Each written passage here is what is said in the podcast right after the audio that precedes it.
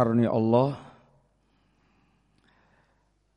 yang seandainya bukan karena pertolongan Allah Subhanahu wa taala tidak akan mungkin kita akan hadir ke masjid mendatangi majelis-majelis kebaikan dan melakukan ketaatan-ketaatan yang lain.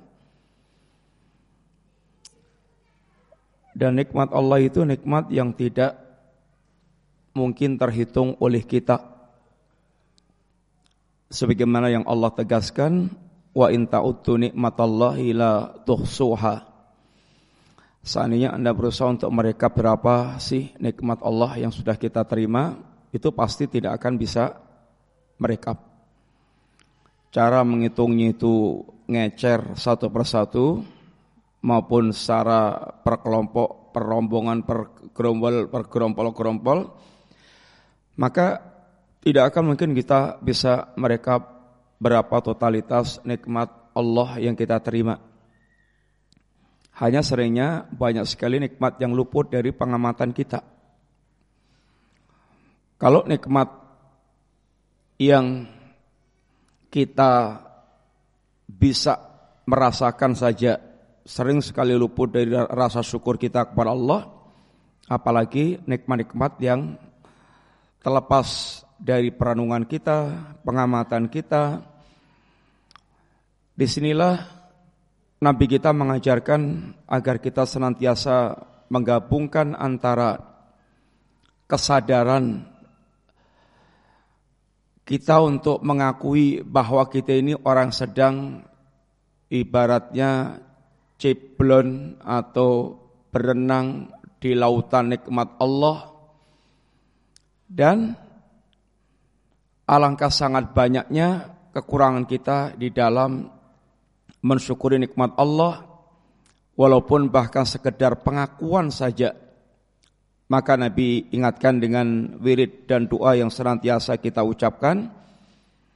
Dalam Sayyidul Istighfar ada kalimat abu'u laka binikmatika alayya wa abu'u bidambi Ya Allah, aku mengakui tentang semua nikmat yang telah engkau curahkan kepadaku ya Allah dan aku juga mengakui tentang segala dosa kemaksiatan yang aku lakukan. Sehingga seorang hamba senantiasa teringatkan terus dengan nikmat dan kekurangan-kekurangan yang dia miliki. Bapak sekalian, berkaitan dengan tema kita, mengapa kita berdakwah? Allah Subhanahu wa taala tidak mencukupkan kita ini hanya menjadi baik secara pribadi. Allah Subhanahu wa taala menjadikan dakwah itu kewajiban yang harus kita tunaikan. Ketika Allah Subhanahu wa taala bersumpah atas nama waktu wal asri innal insana lafi khusrin.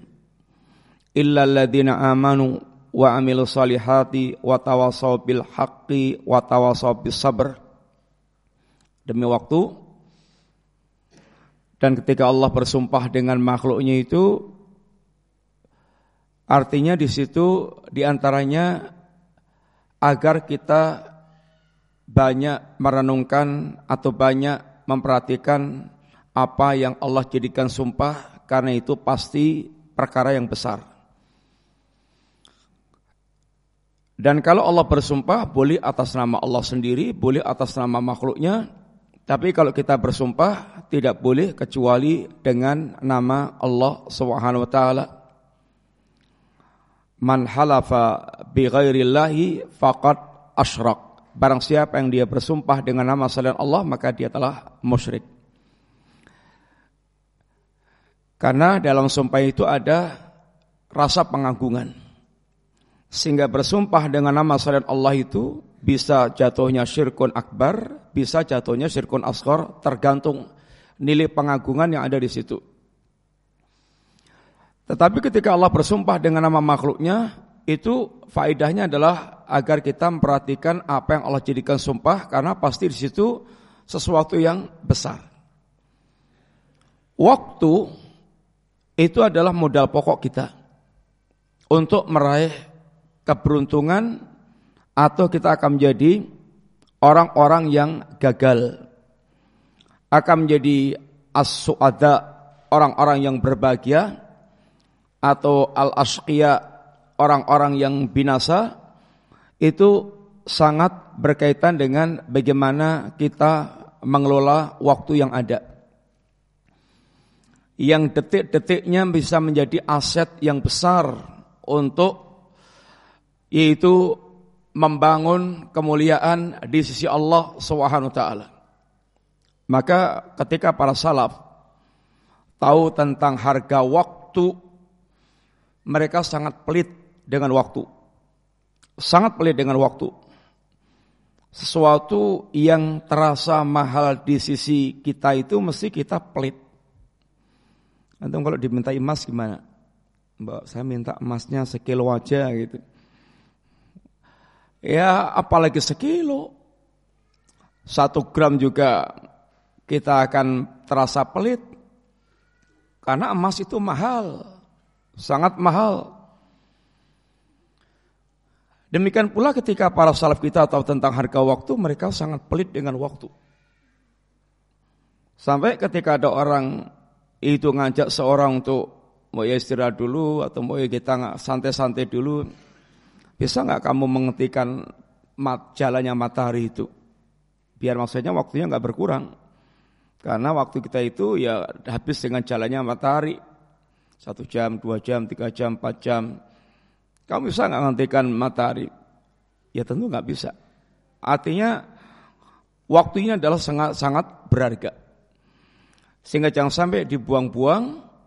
Sehingga kata Ibn Mas'ud, ma nadimtu ala syai'in kana dami ala yaumin gharabati syamsu naqasa fihi amali walam yasid fihi uh, naqasa fi ajali walam yasid fi amali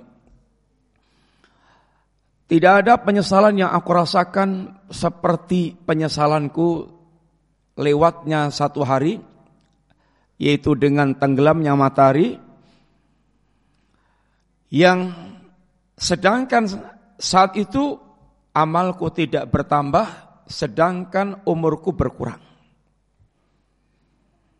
Itu bagi mereka yang tahu harga waktu ini betul-betul menjadi penyesalan yang sangat mendalam. Adapun kalau nggak tahu harga waktu ya namanya nggak tahu ya dianggap murah dibuang-buang gitu aja itu dianggapnya nggak barang ya nggak berharga. Orang kalau kalau menganggap itu barang rongsok, ya dibuang-buang gitu aja, yang merasa nggak ada harganya, nggak ada beban. Tapi kalau tahu itu sangat mahal, oh orang akan sangat pelit untuk dia memberikan, apalagi kemudian dibuang-buang gitu aja.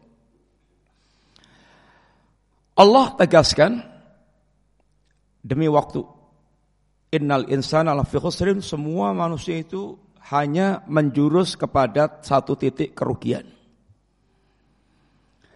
Dan kalau Allah Subhanahu wa taala bicara tentang untung dan rugi, selalu pasti Allah yaitu tegaskan berkaitan dengan untung dan rugi di kampung akhirat. Kenapa? Ya karena Hakikat kehidupan kita adalah kehidupan kampung akhirat. Wa inna daral akhirah lahiyal hayawan laukanu ya'lamun. Dan sungguhnya kampung akhirat itu adalah kampung yang sebenarnya kalau mereka tahu. Tapi kebanyakan manusia kata Allah nggak tahu. Walakin aktsara nasi la ya'lamun. Sehingga Akhirnya banyak orang yang tidak minat dan tidak ada pikiran untuk bagaimana membangun kesuksesan di kampung akhirat. Yang ada adalah ia berlomba-lomba membangun sukses dunia karena yang kita moto yaitu bagaimana kelihatan sukim belegedu sehingga uangnya, buahnya, asetnya di mana-mana, mobilnya mewah, rumahnya besar, pakaiannya mahal-mahal, sehingga orientasinya semuanya adalah rata-rata dunia. Bagaimana kalau bergelar, ya gelar dunianya panjang, Kalau gelarnya S1, S2, S3 dipasang semuanya. Tapi nggak ada orang bergelar pondok pertama, pondok kedua, pondok ketiga, ya jarang. Karena berkaitan dengan gelar mentereng. Sehingga manusia bagaimana benar-benar untuk mendapatkannya itu. Karena itulah, karena standar umumnya itu. Dan jarang orang yang berbangga Anaknya Masya Allah sudah hafal Quran, hafal sekian ratus, sekian bahkan sekian ribu hadis, sekolah di sana, sana, sana, uh, mulazamah dengan syekh segala macam. Jarang yang bangga. Tapi kalau anaknya direktur apa, perusahaan apa, punya aset apa, jadi apa, pimpinan apa, itu menjadi kebanggaan. Ya karena memang keumumannya ya yang di mata manusia ya ini. Uh, Allah ingatkan bahwa hakikat sukses itu sukses akhirat. Hakikat rugi itu rugi akhirat. Faman zuhziha anin nar wa udkhilal jannah faqad fasa. Barang siapa yang perjalanan hidupnya ini mengantarkan dia selamat dari neraka, kemudian uh, masuk ke dalam surga, benar-benar dia telah beruntung, sukses. Tapi sebaliknya kata Allah, Innal khasirin alladina khasiru anfusahum wa ahlihim yaumal qiyamah. Sungguhnya hakikat orang yang rugi adalah orang yang mereka merugikan diri dan keluarganya dari kiamat kelak. Kenapa sih? Ya kalau logika yang Allah ajarkan pada kita, matematika yang Allah ajarkan pada kita, seandainya kita ini nanti sengsara di akhirat, dunia kita sebanyak apa pun itu sudah tidak akan berharga lagi. Relasi kita sehebat apa pun sudah tidak akan bermanfaat lagi. Itu yang dikatakan Allah dalam ayat yauma la yanfa'u malun wala banuna illa man atallaha biqalbin salim. Wahai hambaku, ingat akan ada akan datang saat di mana semua harta Anda sebanyak apa pun, anak Anda sehebat apa pun, semuanya sudah tidak akan memberikan manfaat. Seandainya dia harus, ah, seandainya dia di akhirat itu sengsara dan dia telah siapkan tebusan yang terbanyak dari urusan dunia ini,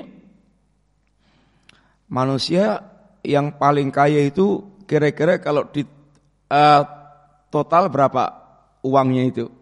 Manusia paling kaya di dunia berapa? Atau siapa dan berapa kekayaannya? Tahu nggak? Nggak tahu. Walaupun umpamanya jutaan triliun sekalipun.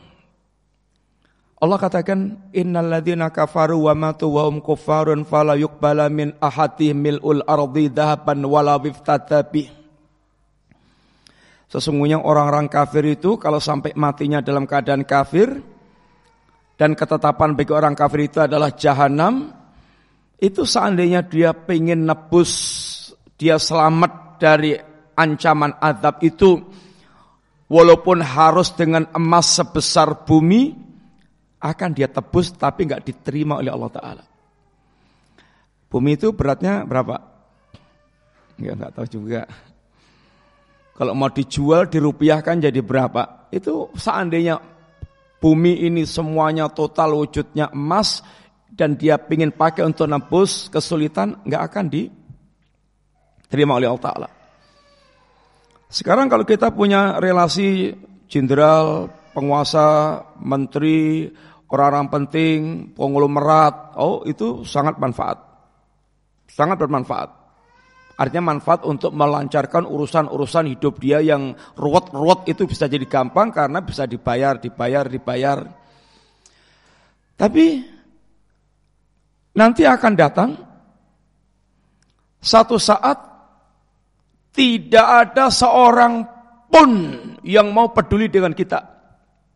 Bahkan walaupun orang yang paling dekat dengan kita, walaupun yang waktu hidupnya itu kita curahkan semua eh, semua apa yang kita miliki untuk dia. Kita semuanya sudah baca ayat insyaallah yauma yafirul mar'u min akhihi wa ummihi wa abihi wa sahibati wa bani likulli imri'in minhum yauma idzin sya'nu yukhni. Pada hari seorang dia lari dari saudaranya, ibunya, ayahnya, istrinya, anaknya, ini semuanya orang-orang dekat. Tapi hari itu setiap orang sudah nggak peduli lagi.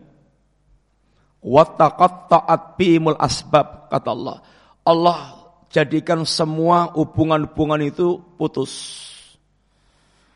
Bahkan bukan sekedar orang itu sudah nggak peduli dengan yang lainnya, kalau bisa orang lain itu walaupun orang yang terdekat kepada dia kepada dia, walaupun orang yang di dunia paling dia sayang itu siap dia korbankan demi keselamatan dia. Kita semuanya juga sudah baca surat Al-Ma'arij ketika Allah katakan wala yas'alu hamimun hamima yubassarunahum yawaddul mujrimu law yaftadi min adabi yaumi idzin bibani wa sahibati wa akhi wa fasilati allati tuwi wa man fil ardi jami'an thumma yungji kalla innaha lada nazza'ata lishawa tad'u man adbara wa tawalla wa jama'a fa'au'a kata Allah hari di mana orang yang dulu di dunia itu rakat hamim teman akrab saling bertanya pun enggak Saling bertanya pun enggak. Antum bisa bayangkan ketika Anda bertemu dengan taman yang sangat akrab, apalagi Anda dulu berjasa dengan dia, dan Anda sekarang sedang sengsara, terus kepetuan, seliringan, kayak terus takok aja enggak. Oh itu jeruk itu, sakitnya itu jeruk dalam. Kalau orang lain nggak tanya itu, nggak kenal itu ya memang orang lain nggak kenal. Wajar dan maklum, tapi ini orang sangat dekat dengan kita, kemudian kita sengsara, kemudian dia aruh-aruh pun enggak. Yubassarunahum. Saat itu bukan tidak saling melihat, bahkan saling terbelalak mata mereka melihat. Tapi kenyataan yang dahsyat itu membuat mereka tidak saling menyapa dan tidak saling menawarkan apa yang akan bisa memberikan manfaat. Bahkan kata Allah, Yawaddul mujrimu, orang-orang yang di dunia mujrim, tidak peduli dengan agama, durhaka, maksiat, bahkan merendahkan agama, dia berangan-angan seandainya dia bisa menebus kesulitan yang dia alami di hari itu, walaupun bahkan bibani dengan anak kandungnya sendiri. Nyun ngapunten, Bapak sekalian, kita yang sudah punya anak, insya Allah bisa merasakan di dunia ini tidak ada orang yang punya hubungan rasa kasih, rasa kasih sayang yang setulus orang tua kepada anak. Yang ngapunten, mbok ya umpamanya anaknya itu cacat toh. Terus ditawari orang, Bude mau nggak tak ganti anak yang guanteng, anak ibu Bude di gua aja ke mana, terus ini tak kasih yang guanteng teng. Kira-kira orang tua enggak mau. Elek-elek ya anakku dewi, tahu pengen Itu orang tua. Dan orang tua itu siap berkorban untuk anaknya itu sampai kadang nggak nggak ngerasa nggak apa ngempet isin, ngempet isin. Anaknya harus sekolah, bayar SPP, bayar semesteran, bayar apa. Padahal orang tua sedang nggak punya, terus kerekelan, cari utangan ke mana-mana, nutup rai baratnya itu kayak randui rai, datang sana, datang sana, karena demi anak. Dan ibu-ibu apalagi siap untuk berkorban anaknya, bahkan anak itu rata-rata oleh ibu dibela sampai sudah tua saja tetap dibela. Satu saat akan datang hari, bahkan orang tua siap menjadikan anaknya itu tumbal demi keselamatan dia, yang penting aku selamat. Anakku tak jadikan tumbal nggak apa-apa. Kalau belum cukup, ya istri dan saudaranya. Kalau belum cukup, keluarga besarnya. Bahkan kalau belum cukup dan bisa, waman fil ardi jami'an, semua manusia di muka bumi. Thumma yungji, lalu dia diselamatkan Allah SWT. Tapi Allah katakan, kalla nggak bisa. Sudah nggak bisa. Innaha ladha jahanam itu azab yang menyala-nyala. Nazza'ata lisyawa yang azabnya bisa mengelupaskan kulit kepala manusia. Tad'u man adbara wa tawalla jahanam mengundang orang-orang yang dulu berpaling dari agama dan hanya mengumpulkan harta. Wa jama'a fau'a hanya mengumpulkan harta tapi enggak pernah dia keluarkan di jalan Allah taala. Maka kerugian yang hakiki kerugian di kampung akhirat Sukses Anda di dunia ketika harus di kampung akhirat itu rugi, maka sukses Anda tidak akan berarti sama sekali. Oleh karena itulah, waktu ini adalah modal pokok bagi kita. Sehingga setiap Allah masih memberikan umur kehidupan bagi kita, selalu kita mengucapkan Alhamdulillah, kita masih diberikan umur. Bisa Sisa umurnya itu bisa untuk memperbanyak kebaikan dan bisa untuk memperbaiki yang tidak baik atau menghapuskan yang buruk dengan taubat dan istighfar.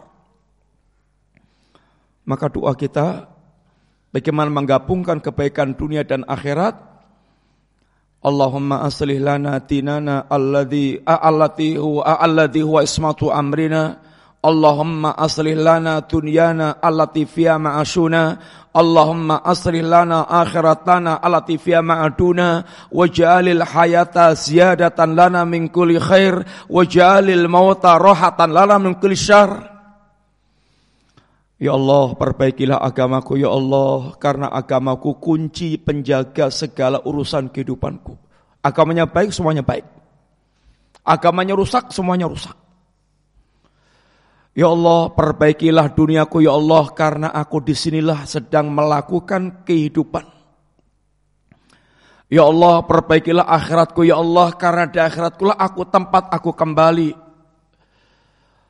Dan ya Allah jadikan sisa umur kehidupanku kesempatan untuk menambah dan menambah dan menambah kebaikan-kebaikanku dan jadikan kematianku ya Allah akhir dari segala perbuatan buruk yang selalu aku lakukan.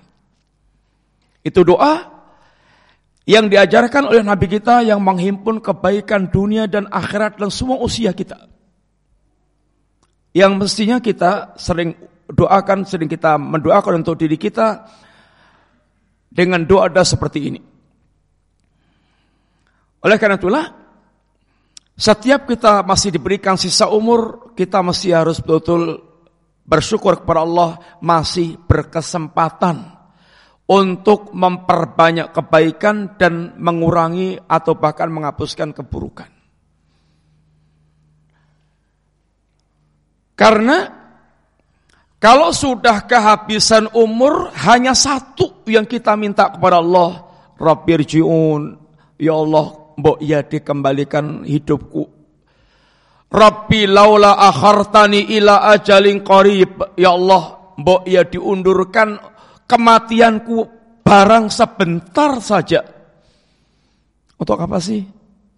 Apa dia pengen menikmati yang dulu belum pernah dia nikmati? Enggak la'alli a'malu salihan fima taraktu. Ya Allah, aku ingin beramal apa yang dulu aku tidak lakukan. Fa'asaddaqa wa aku minas salihin. Ya Allah, aku pengen sodakoh, aku pengen menjadi orang soleh. Tapi kata Allah, Kalla, innama huwa qailuha, wa min waraihim barzakhun ila yaumi yub'atsun Oh nggak bisa, sudah habis, nggak bisa. Itu hanya ucapannya saja.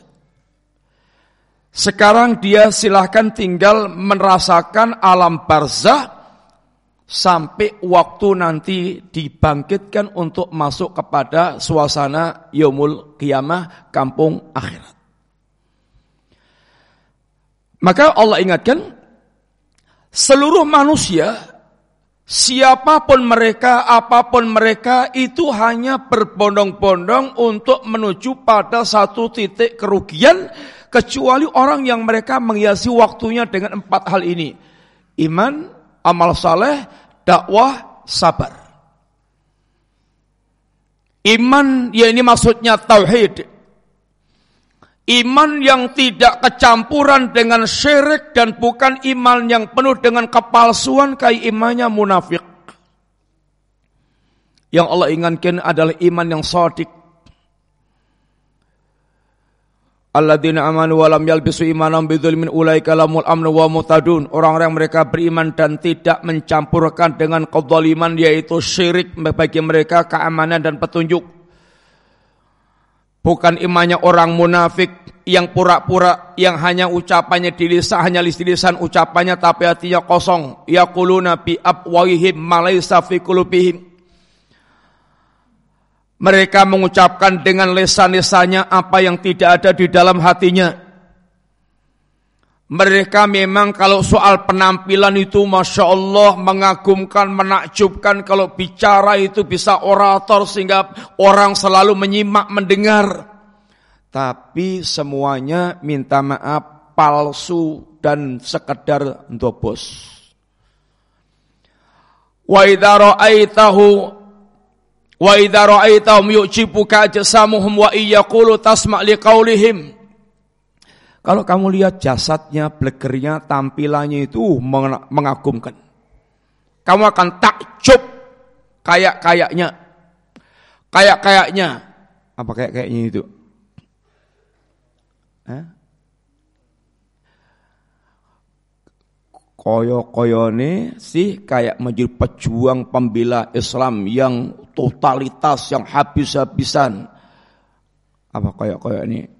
Ya kelihatannya, tampilannya, uh, sangat menyihir orang. Tapi ternyata palsu. Karena hanya tampilan zahir yang tidak sampai nandes tembus di dalam batin.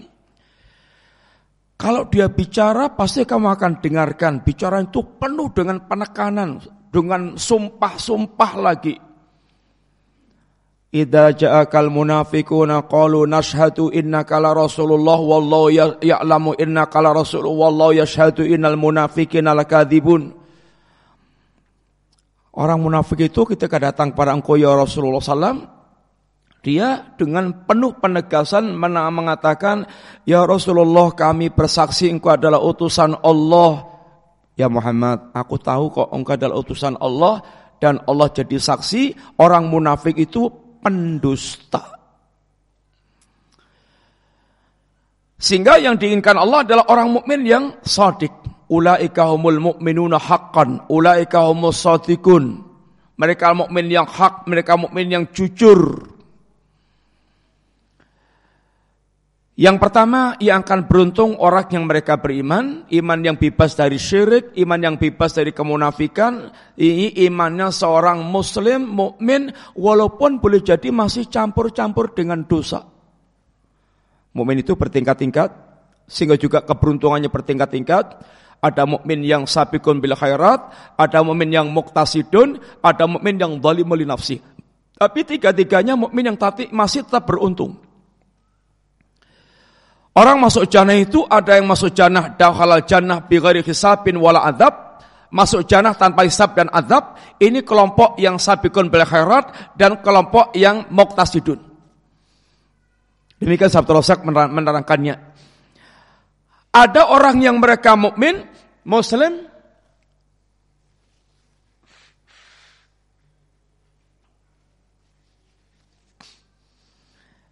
Tetapi mereka memiliki dosa-dosa yang belum terampunkan oleh Allah Subhanahu wa taala sehingga mereka diampirkan oleh Allah dulu ke jahanam, diazab, kemudian dikeluarkan dari jahanam, diselamatkan dari kekalnya jahanam, itu yang dikenal dengan istilah jahannamiyun, mantan-mantan jahanam.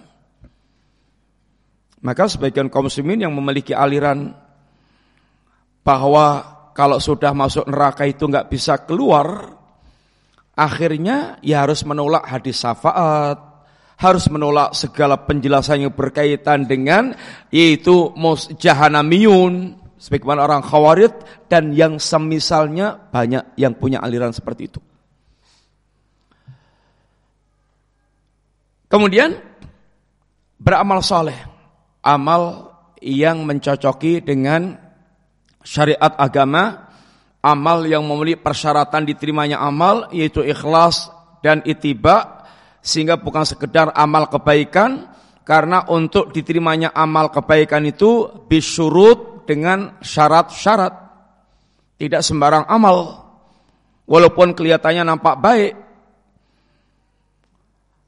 Kemudian kalau ini iman dan amal saleh ini ini urusannya pribadi urusannya adalah baik untuk sendiri beriman dan beramal saleh. Allah tidak mencukupkan dengan dengan hal itu, tapi Allah berikan beban kewajiban watawasau bil haqqi dan dia saling mewasiatkan dalam perkara yang hak alias mereka juga ajak-ajak berdakwah mengajak manusia untuk senantiasa di atas al-haq, di atas kebenaran. Dan ini semuanya dari beriman aja berilmu, beramal, berdakwah, ini pasti semuanya membutuhkan kesabaran. Orang yang menghimpun empat perkara inilah orang yang mereka akan meraih keberuntungan dan keberuntungan itu yang mutlak adalah di kampung akhirat. Itu untungnya untung mutlak. Untung mutlak.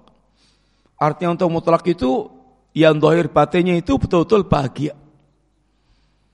Gak ada penampakan sengsara, gak ada. Tapi kalau di dunia ini Allah sudah juga memberikan balasan. Tapi terkadang nampak eh, yaitu berbagai macam kesengsaraan yang dirasakan oleh ah ini ahlul hak oleh para hamba Allah yang taat karena memang dunia itu adalah darul bala bukan darul jasa sudah ada pembalasan ada, pembalasan ada. Karena Allah asyakur, Allah pasti membalas. Tapi di dunia bukan pembalasan sempurna. Orang yang soleh, taat banget, tapi melarat ada nggak? Ya banyak. Dan melarat itu ya secara umum ya kosong namanya melarat kok. Beda dengan orang mereka serba terfasilitasi. Memang di dunia bukan atau belum yaitu menjadi sebuah pembalasan sempurna. Tapi pembalasan sudah Allah berikan. Khususnya berkaitan dengan kebahagiaan yang dirasakan oleh hati sehingga dunia itu bisa menjadi jannatu dunia, surga dunia. Kata Ibnu Qayyim menceritakan gurunya Syekhul Islam Taimiyah tidak ada uh, uh, tidak ada orang yang lebih sengsara hidupnya seperti Syekhul Islam dalam pandangan mata beliau. Dari sisi harta, dari sisi keluar masuk penjara, bahkan beliau pun juga mati di penjara, mati dalam penjara. Karena beliau pendengkinya sangat banyak sekali, karena beliau seorang ulama yang menegakkan yang menegakkan tugas keulamaan, menjelaskan hakikat kebenaran, membantah kesesatan, sehingga banyak ahlu dalal yang tersinggung dan provokatif kepada penguasa untuk menangkap atau untuk mengusir atau untuk membunuh. Tapi kata Ibnu Qayyim, saya tidak merasakan orang yang lebih berbahagia dibandingkan Syekhul Islam. Kami kata Ibnu Qayyim kalau sedang mengalami kesempitan dada, Ibnu Qayyim itu kelasnya itu al-allamah. Al-allamah itu gurunya para guru. Syekh Kabir. Tapi juga mengalami kesempitan-kesempitan, satu saat mengalami kesempitan-kesempitan, kesesakan-kesesakan yang dirasakannya. Kami murid-murid Rasulullah SAW itu kalau sedang mengalami kesempitan hidup kayak gitu, kami datangi syekhku. Kami datangi guruku Rasulullah SAW. Aku pandang wajahnya, aku dengarkan perkataan yang mengalir dari lesannya, itu menjadikan kayak matahari yang menyingkap kegelapan menjadi terang dan plong. Padahal beliau secara kehidupan duniawi kelihatan orang sangat sengsara.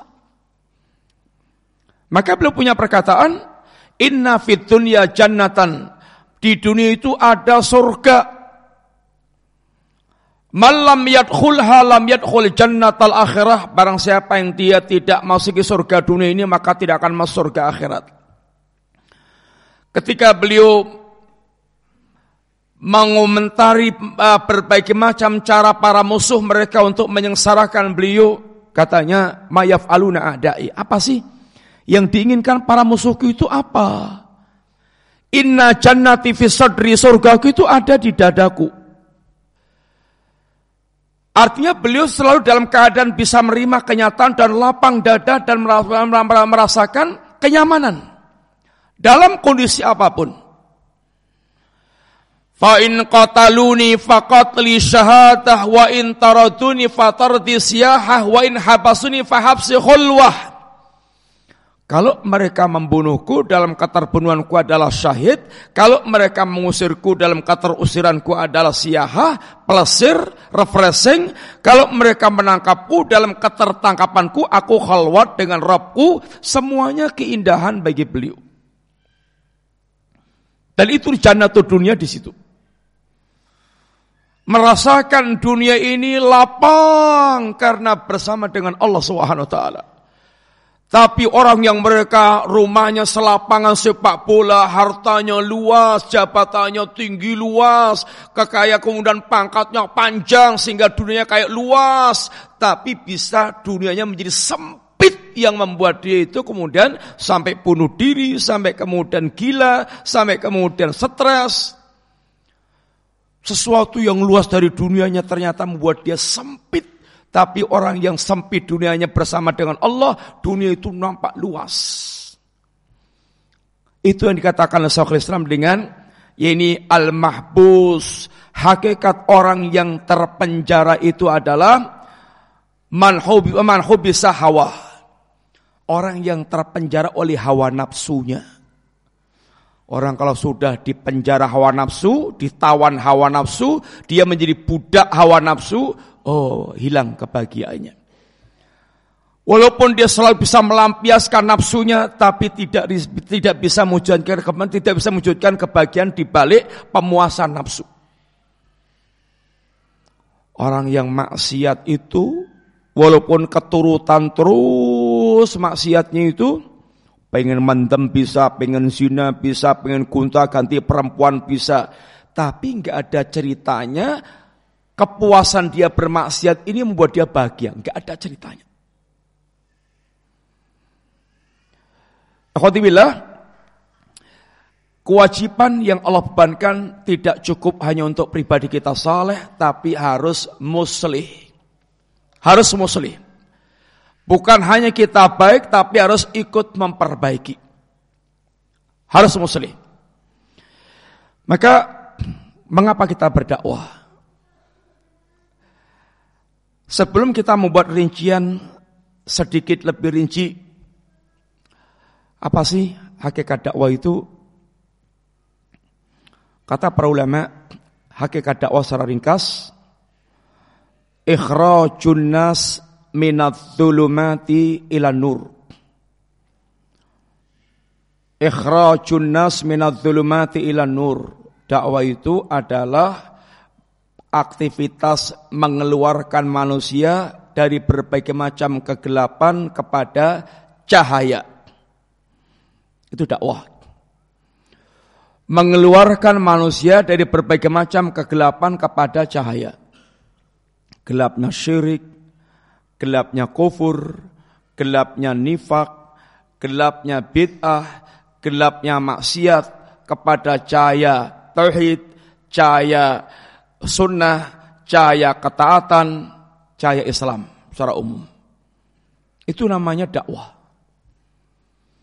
Sehingga kalau tidak menghasilkan, kalau tidak yaitu aktivitasnya tidak mengantarkan orang dari ya ini gelap keluar menuju cahaya, itu hakikatnya bukan dakwah Islam. Ada orang kelihatannya dakwah. Tapi terkadang justru hanya mengeluarkan dari gelap ke gelap. Kadang-kadang dari gelap ke gelap gulita. Tadinya sih mabuk-mabukan, masih mabuk, macam-macam, judi, didekati terus, diprospek, jadi. Sampai kelihatan tampak religius, judi enggak lagi, mabuk enggak lagi.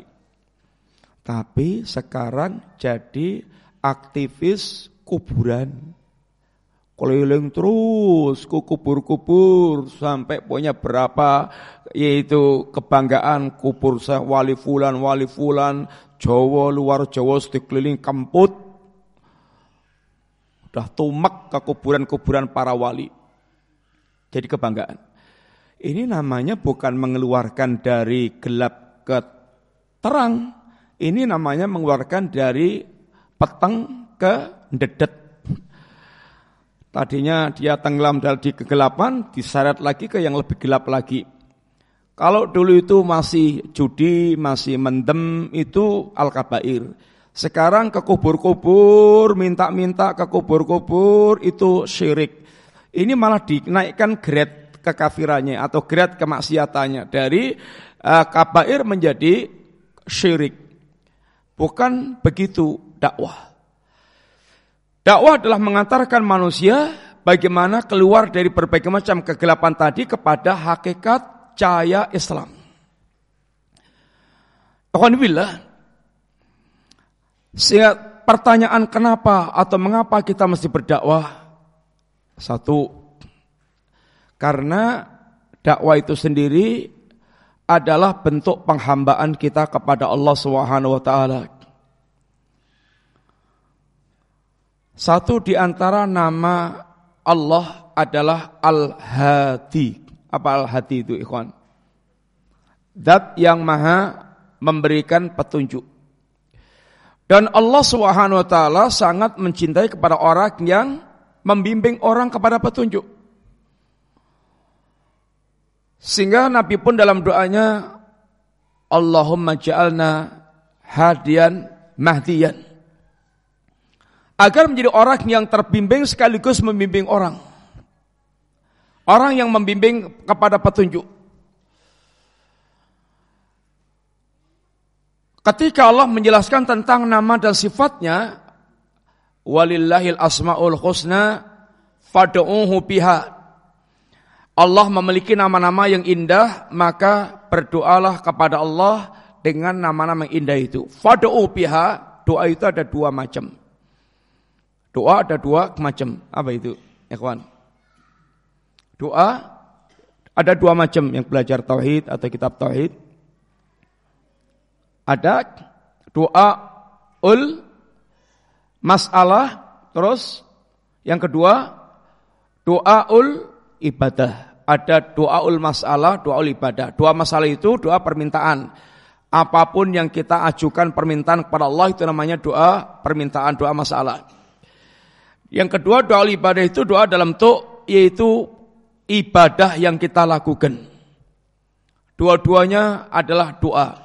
Yang satu doa ul masalah, yang satu doa ul ibadah. Doa dalam tuk yaitu ibadah yang kita lakukan. Yang hakikat yang hakikatnya ibadah kita merupakan doa kita kepada Allah taala. Ah, prakteknya menggunakan asmaul husna yang kita diperintahkan oleh Allah berdoa dengan asmaul husna, prakteknya adalah menjadikan asma Allah al-husna ini menjadi wasilah kita bertawasul dengan asmaul husna ketika kita berdoa kepada Allah Ta'ala. Ya Rahman, Ya Rahim, Irhamni, Ya Ghafar, Ighfirli, Ya Razak, Ursukni. Itu namanya kita bertawasul dengan asma Allah al-husna untuk meminta apa yang kita inginkan. Adapun doaul ibadah, kita beribadah kepada Allah dengan kandungan nama dan sifat Allah adalah mewujudkan amal yang menjadi kandungan daripada nama dan sifat Allah Ta'ala. Contoh, Allah Ar-Rahman, dan di antaranya maknanya adalah Allah pemilik rahmat yang luas dan Allah mencintai sifatul rahmah. Maka apa ibadah kita dengan nama Allah Ar-Rahman? Yang pertama kita tidak boleh putus asa dengan rahmat Allah karena rahmat Allah itu luas sehingga jangan pernah ada hamba yang putus asa dengan rahmat Allah Subhanahu wa taala. Hendaknya orang senantiasa dia kembali kepada Allah dan mengharap rahmat Allah pasti akan dia dapatkan. Yang kedua, Allah itu mencintai sifatul rahmah. Maka kalau kita ingin dicintai oleh Allah Subhanahu wa taala, jadilah Anda orang-orang yang menyayangi manusia. Irhamu man fil ardi yarhamkum man fis sama. Sayangilah hamba Allah yang di muka bumi, Allah yang di langit akan menyayangi Anda. Seperti ini itu tuntutan dalam setiap nama dan sifat Allah Ta'ala. Tuntutan dalam setiap nama Allah yang mengandung sifat Allah itu menuntut kita mewujudkan ibadah seperti yang terkandung di situ. Makanya kata Ibnu Qayyim, akmalu nasi ubudiyatan al muta'abbid bi jami'il asma'i was sifati allati yutali'u 'alihal bashar Hamba yang paling sempurna penghambaannya kepada Allah adalah mereka yang beribadah kepada Allah dengan semua nama-nama dan sifat yang Allah telah terangkan kepada manusia. Kalau satu kita mengerti satu nama Allah kita bisa wujudkan ibadah kayak tadi. Bagaimana kalau kita mengerti 5, 10, 20, 90 maka akan lebih sempurna. Maka yang paling bertakwa, yang paling sempurna wujudkan ketakwaan adalah Rasulullah SAW karena beliau orang yang paling faham tentang Allah Subhanahu taala. Maka beliau katakan, "Wallahi inni la'alamukum billah wa afqakum lah." Demi Allah aku orang paling tahu tentang Allah dan paling bertakwa kepada Allah Subhanahu taala. Kemudian selain itu pula kita orang-orang berdakwah itu karena mewujudkan menyambut seruan Allah agar kita berdakwah. Apa di antara ayat yang memerintahkan kita untuk berdakwah? Apa di antara ayatnya? Bunyinya ayatnya apa? Kawan. Ya di antaranya banyak ayat. Odo'u ila sabili rabbika bilikmah wal takum minkum yad'una ilal khair wal takum minkum ummatun yad'una ilal khair.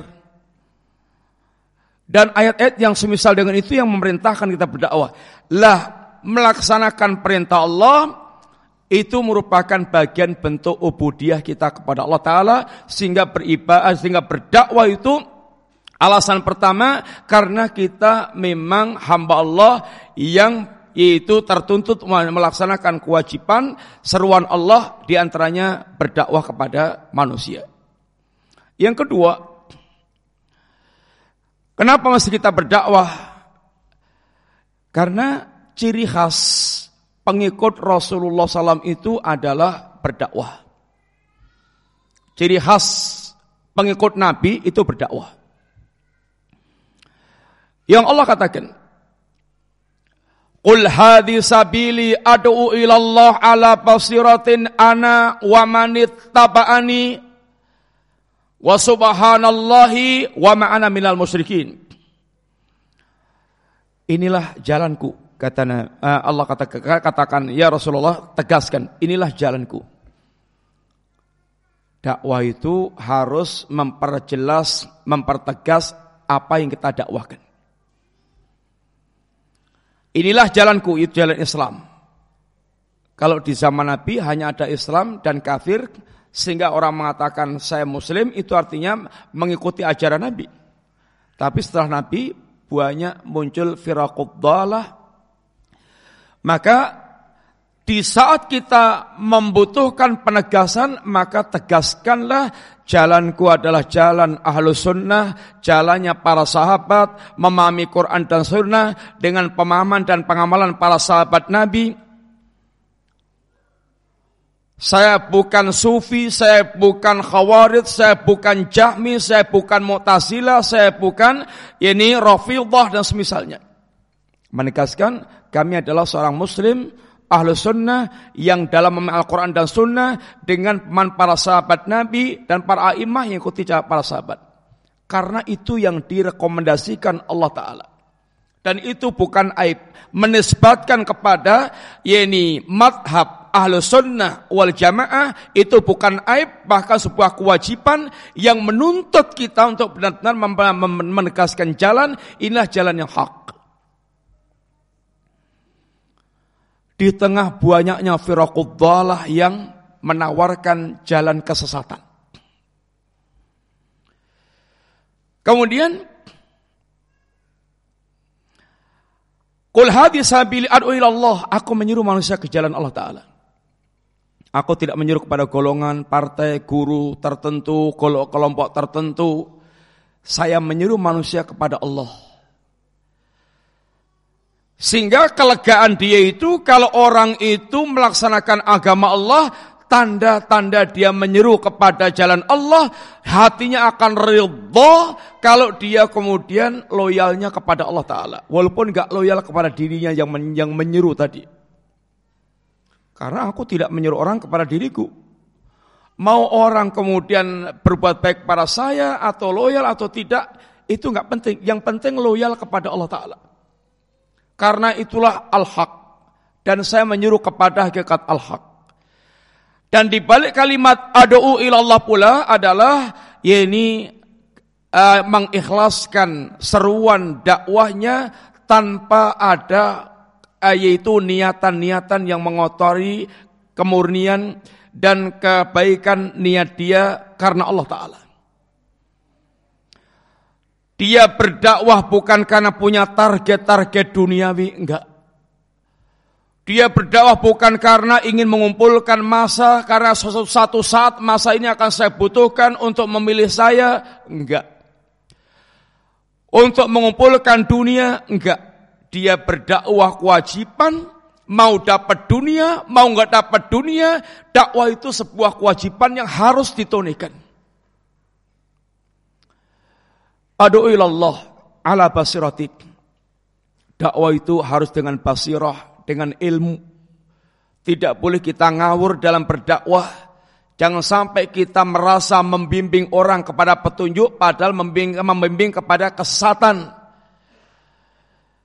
Sehingga wajib dakwah dengan basirah, dengan ilmu.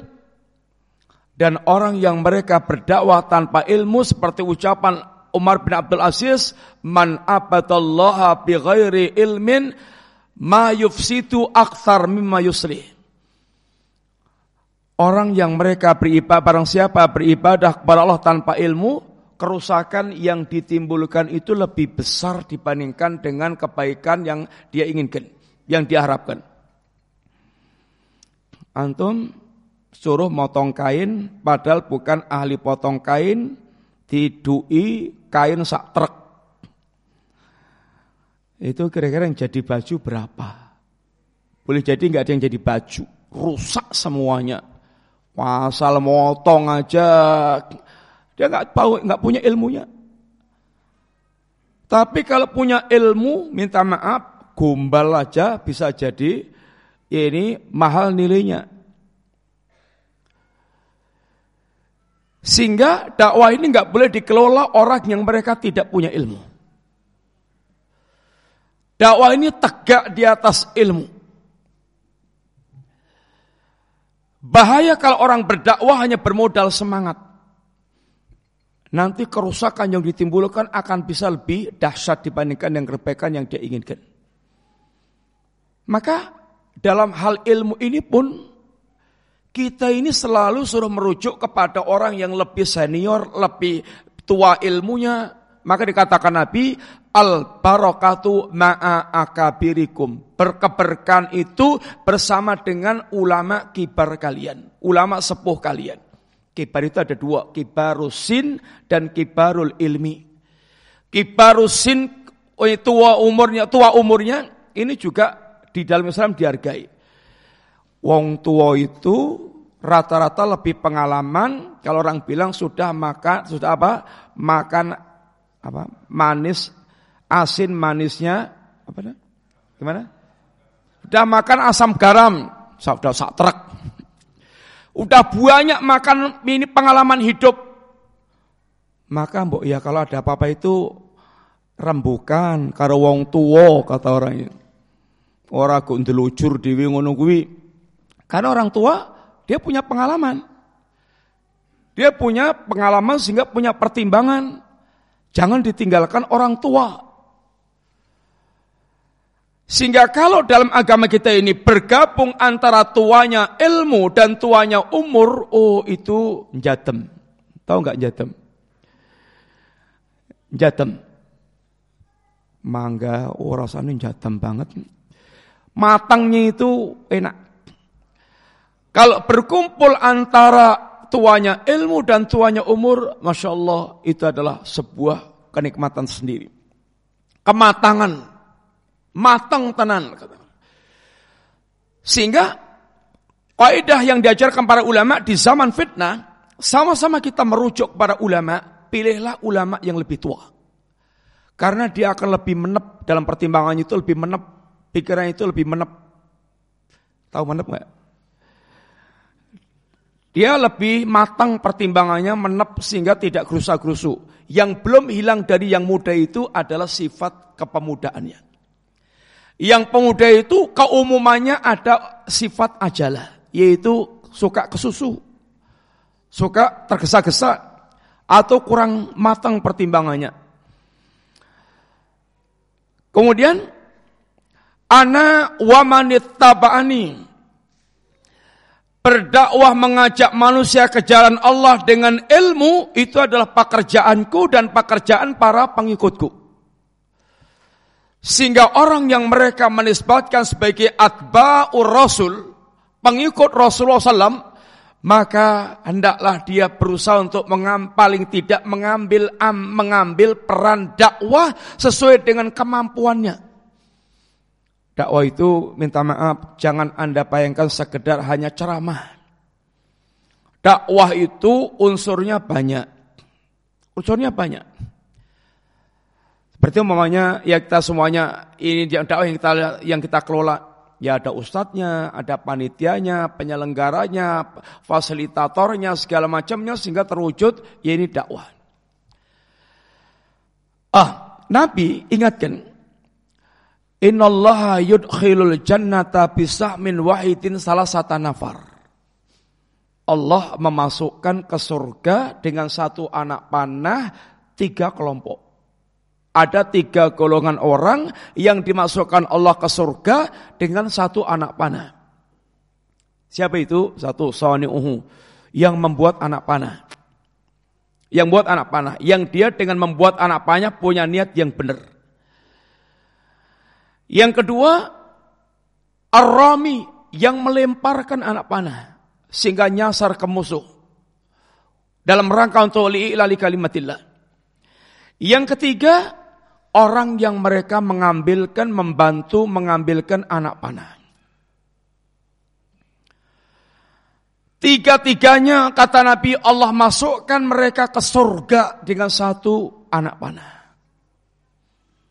Dakwah ini banyak mengambil unsur untuk terwujudnya dakwah. Jangan pernah Anda bilang saya tidak bisa dakwah. Selama kita punya tenaga, punya waktu, ya ini mau Apa pun kita bisa berperan dalam dakwah. Nyebarkan pamflet, nge-share ini kajian, kemudian atau antum yang ahli dalam IT, atau antum punya peran dalam masalah ini mal, atau antum pemilik tempat, atau dan segala macamnya. Tinggal mengambil peran mana yang akan kita bisa ambil sesuai dengan kondisi kita. Sesuai dengan apa yang bisa kita lakukan.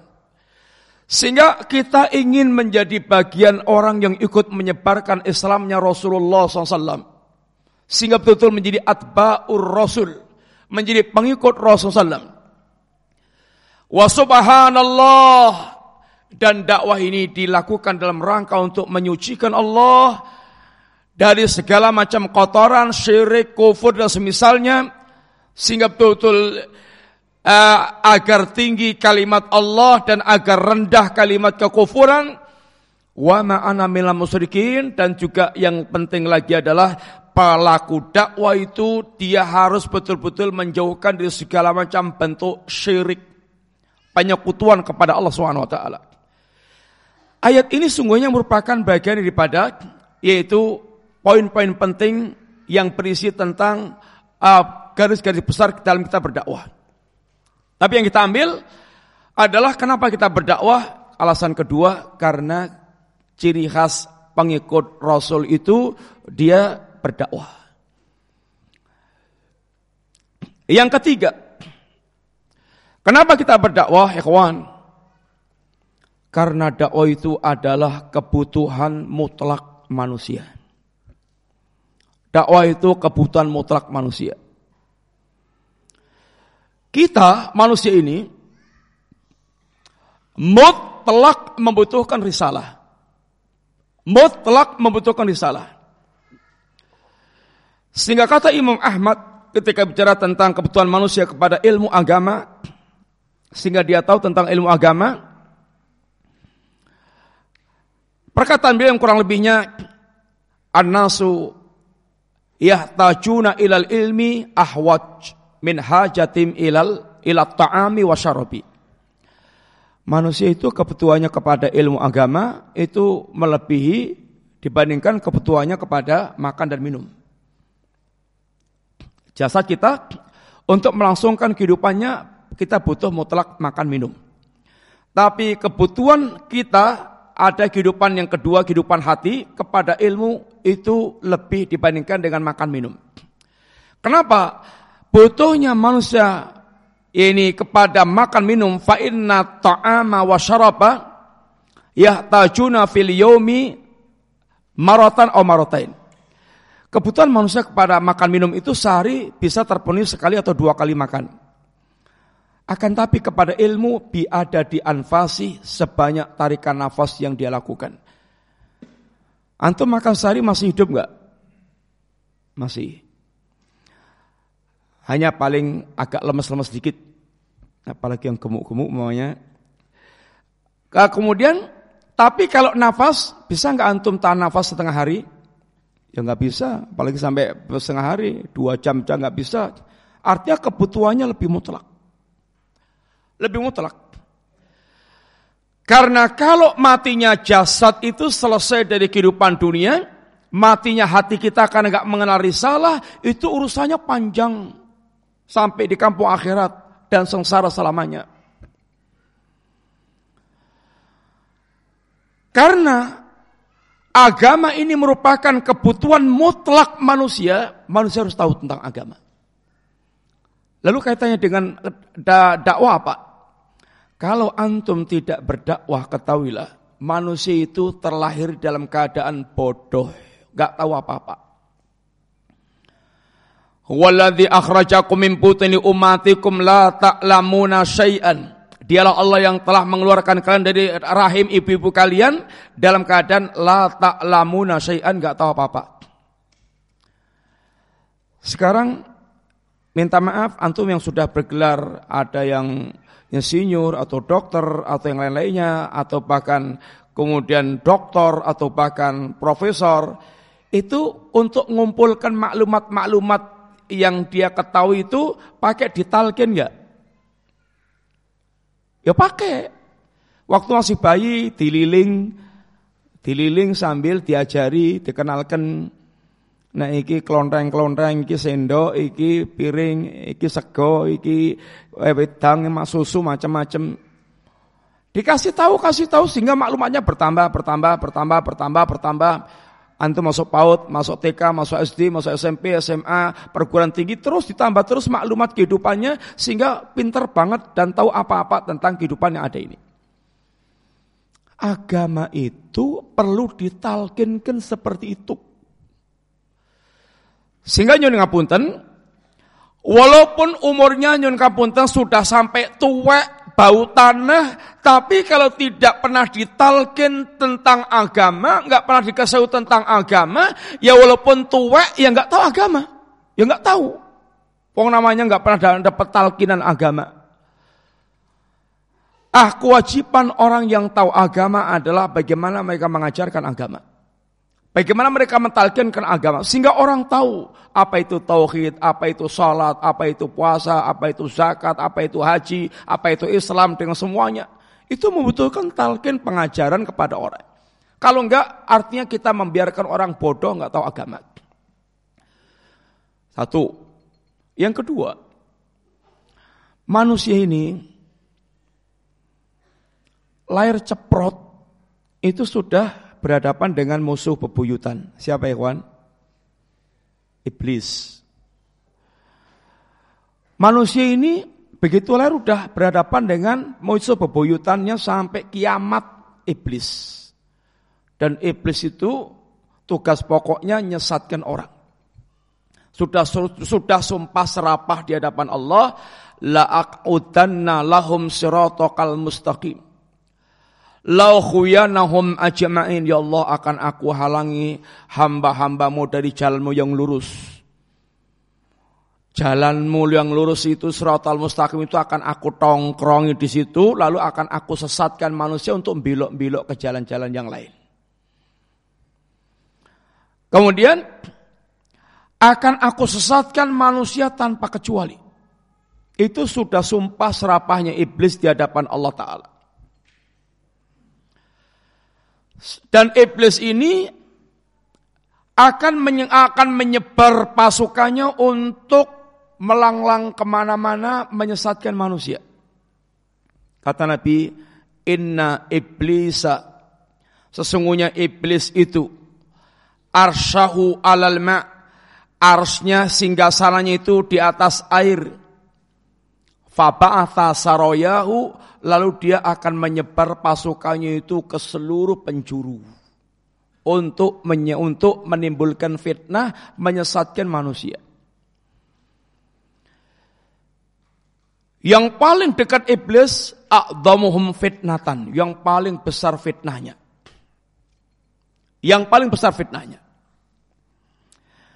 Ah, ketika Anda tidak berdakwah itu artinya membiarkan manusia itu menjadi makanan empuknya iblis. Sangat gampang untuk disesatkan. Sebodoh es, tinggal diingat-ingat, diingar-ingar gampang, sesat gampang. Yang namanya orang bodoh nggak tahu. Antum kalau nggak tahu jalan ke sini, itu gampang sekali bingung. Bingung-bingung, bingung-bingung, disesatkan orang juga sangat gampang. Tapi kalau tahu jalan ke sini, dari arah mana pun tahu ke sini, Mbok ya orang mau menyesatkan kayak apa pun nggak bisa. Saya tahu kok jalan ke situ itu ini. Nggak akan ada orang bisa menyesatkan. Maka iblis itu kata para ulama lebih susah eh, menyesatkan satu ulama dibandingkan seribu ahli ibadah. Ini al-alim asyaddu. Satu orang yang alim itu lebih susah bagi iblis untuk disatkan min alfi ubat min ahma min alfi ahli ibadah dibandingkan dengan seribu ahli ibadah yang bodoh. Sehingga membiarkan manusia tanpa dakwah itu artinya Anda membiarkan manusia untuk menjadi sasaran empuk iblis. Apalagi iblis punya trik dan strategi menyesatkan manusia yang sangat jitu, udah pengalaman bertahun-tahun, ratusan tahun, ribuan tahun. Bagaimana menyesatkan manusia dengan segala tipe, iblis punya berbagai macam trik-trik. Tapi kata Allah, kalau orang itu tahu agama, hatinya bersandar kepada Allah, inna kaita syaitani kana dha'ifa. Sesungguhnya makar-makar syaitan itu dhaif, lemah. Kapan? Ketika dia berilmu dan hatinya bersandar kepada Allah Subhanahu wa taala. Tapi kalau enggak, ia akan dahsyat luar biasa makar syaitan. Kemudian yang ketiga, manusia itu walaupun makhluk yang sangat hebat, Allah telah membekali manusia untuk hidupnya itu di antaranya adalah akal. Akal. Tapi yang namanya akal itu adalah makhluk sebagaimana manusia yang punya keterbatasan. Dan semua yang punya keterbatasan itu kalau dibebani di luar batasnya ya akan jeglek. Antum kuat gendong berapa? Mamanya sekintal mamanya. Anak kecil ya, wah Masya Allah, wow, Pak De kuat gendong, kayak banget ya, tak kintal, rusak banget. Itu kalau masih dalam batas kita, gerieng gitu aja, gampang. Tapi kalau batas kita sekintal terus di kon gendong sak ton, ya gegere ceklek pitu, gegere bakal ambiar dan rusak otak kita juga ini, akal kita punya keterbatasan. Kalau kalau dibebani di luar batasnya itu akan jadi hancur. Rusak. Akal itu hebatnya kayak apa pun di antaranya nggak bisa bicara tentang perkara yang gaib. Walaupun gaibnya pun gaib nisbi. Sekarang umpamanya akal antum IQ-nya umpamanya berapa yang super genius? Berapa dia? 200, 100 lebih. 250 umpamanya Paul geniusnya super genius. Terus umpamanya we sang genius sekarang sebutkan dengan detail. Di rumah sebelah ini dia belum pernah masuk, nggak ada ngasih tahu. Coba sekarang sebutkan apa isinya itu sejenius apa pun, kalau dia tidak pernah masuk rumah situ, nggak ada yang ngasih tahu, ya nggak akan bisa menghabarkan apa-apa. Kalau dia itu menghabarkan pasti ngawur, pasti ngawur. Makanya orang filsafat kalau bicara tentang Allah dengan akalnya muyang-muyang ke mana-mana muter-muter nggak karuan membingungkan orang karena ngawur. Dan pembicaraan filosof para filsafat nggak akan pernah mereka mendapatkan satu rumusan karena ngawur bicaranya itu hanya analisa-analisa analisa masing-masing. Perkara yang gaib itu hanya bisa dengan penghabaran. Sebagaimana kita nggak akan bisa bicara tentang Allah, tentang malaikat, tentang surga, tentang neraka, tentang alam barzah dan semua perkara yang gaib kecuali dengan khobar. Tanpa itu kita nggak akan bisa. Maka sejenius apa pun manusia itu tetap terbatas akal mereka mutlak membutuhkan bimbingan wahyu. Mutlak membutuhkan bimbingan wahyu. Maka kata Syekhul Islam, kalau akal ketemu dengan wahyu, ini kayak mata ketemu dengan matahari, sinar matahari. Sehingga biar semuanya kelihatan akan terang benderang. Gak bertentangan antara akal dengan wahyu. Karena akal yang menciptakan Allah, wahyu turun dari Allah Ta'ala. Gak ada pertentangan. Kalau ada segelas pertentangan, itu ada yang dicurigai. Riwayat yang dia bawa mungkin daif atau bahkan palsu atau akalnya ini yang nggak beres. Asalnya antara akal dengan wahyu nggak akan bertentangan karena dua-duanya sama datangnya dari Allah Subhanahu wa taala. Kemudian yang keberapa? Empat. Atau yang keberapa? Serta sertanya mamun manusia ini bersama dengan kehebatannya manusia itu menyimpan nafsu. Menyimpan nafsu. Dan nafsu itu memang asalnya manfaat atau musibah. Orang bernafsu itu musibah atau manfaat? Karunia atau musibah? Ya karunia. Antum nggak bernafsu makan pamannya, garing. Ya. Kayak terus apa-apa raduyan. Sate raduyan, nggak bernafsu, kan nggak selera. Orang nggak selera itu mbak dinyol-nyol kan aja, dia tinggal ngemplok gitu aja, nggak mau. Tapi kalau bernafsu ya udah ngelewati gunung, lewati kali, diseberangi dia akan cari kalau bernafsu. Antum bernafsu dengan akhwat. Oh mbok ya nyeberangi gunung sama lautan toh, bakal diparani. Tapi kalau nggak bernafsu, oh dicepakkan dengan perahi aja nggak mau.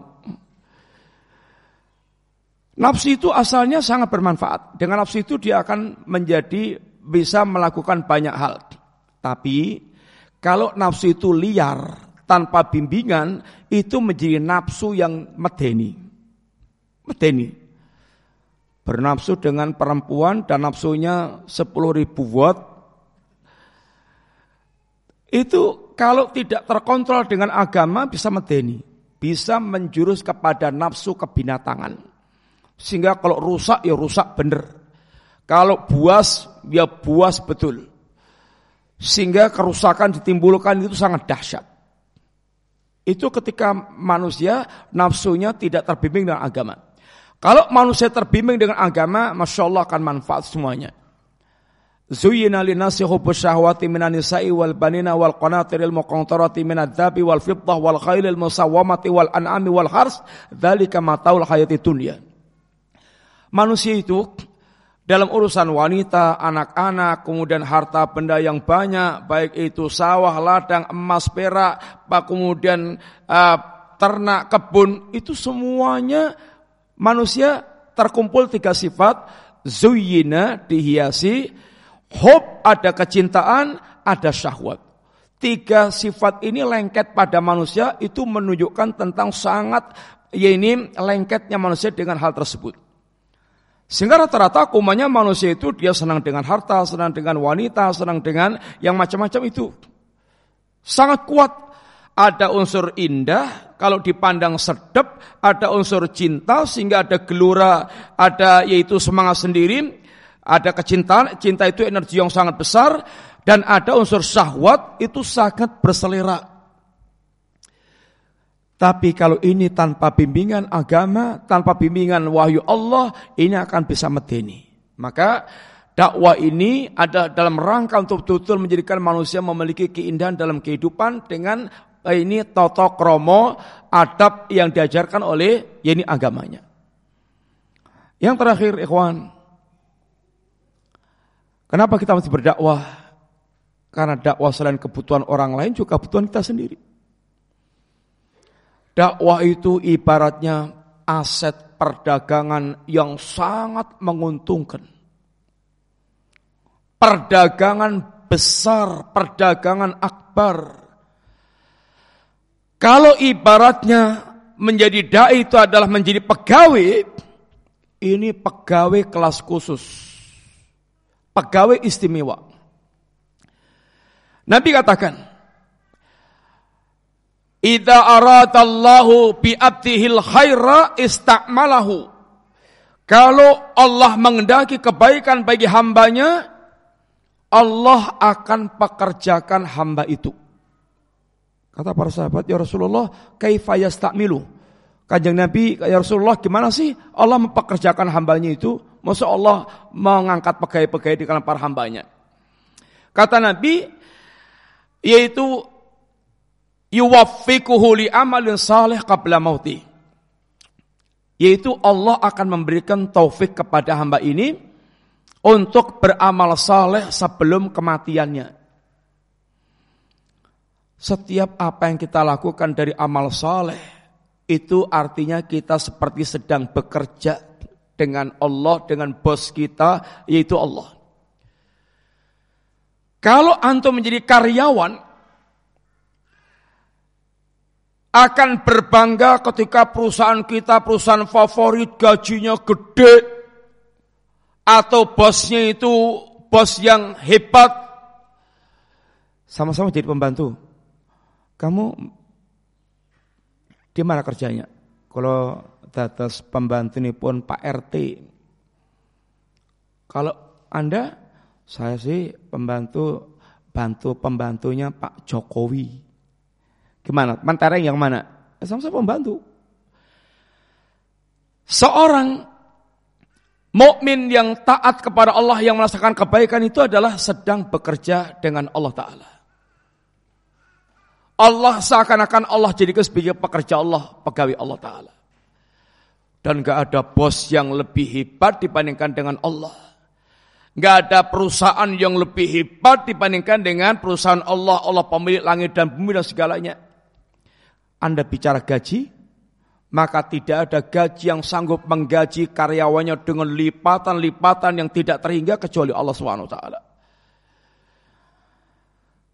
Dan bahkan Allah mengatakan, "Waman ahsanu qalan mimman da'a ila Allah wa amila salihan wa qala innani minal muslimin." Mana ada yang lebih baik dibandingkan orang yang mereka menyeru ke jalan Allah, dia pun beramal saleh dan dia adalah seorang muslim. Menegaskan seorang muslim. Muslim yang beramal saleh dan mereka berdakwah menyeru manusia ke jalan Allah Ta'ala. Tidak ada yang lebih baik daripada para dai. Karena para dai adalah pewaris para nabi, para ulama pewaris para nabi yang mengemban salah mendakwahkan agama Allah Subhanahu wa taala. Dan Nabi katakan, La wallahi la ayahdiyallahu bika rajulan wahidan khairun laka min humri na'am. Demi Allah, seandainya Anda Misalnya ada orang yang mendapatkan hidayah melalui Anda. Satu orang saja. Itu lebih baik dibandingkan dengan unta merah. Kata para ulama, unta merah harga harta yang paling mahal di zaman itu. Dan orang yang berdakwah ini akan panen pahala besar. Manda'a ilal huda. Karena lau misru ajri min ujuri man tabi'ahu. Barang siapa yang mengajak kepada petunjuk, baginya adalah pahala, semisal pahala orang yang mengikutinya dia, tanpa terkurangi sedikit pun kebaikan pahala orang yang mengikuti Anda tadi. Intinya dakwah adalah aset perdagangan yang sangat menjanjikan, tapi itu adalah perdag tijar, tijaroh imaniyah, perdagangan iman dengan Allah Subhanahu wa taala yang membutuhkan keyakinan di dalam hati seorang. Ini yang kita sampaikan kawan, semoga manfaat singkat yang kita sampaikan. Mudah-mudahan apa yang kita pelajari sedikit ini mengingatkan kepada kita kenapa sih kita harus berdakwah dan semoga kita semakin memiliki semangat untuk berdakwah tentu dengan persyaratan yang telah diajarkan dalam agama kita untuk meraih ketinggian derajat di sisi Allah Subhanahu wa taala. Jazakumullah khairan. Terima kasih banyak atas perhatiannya. Sekali kurang minta maaf. Wassallallahu.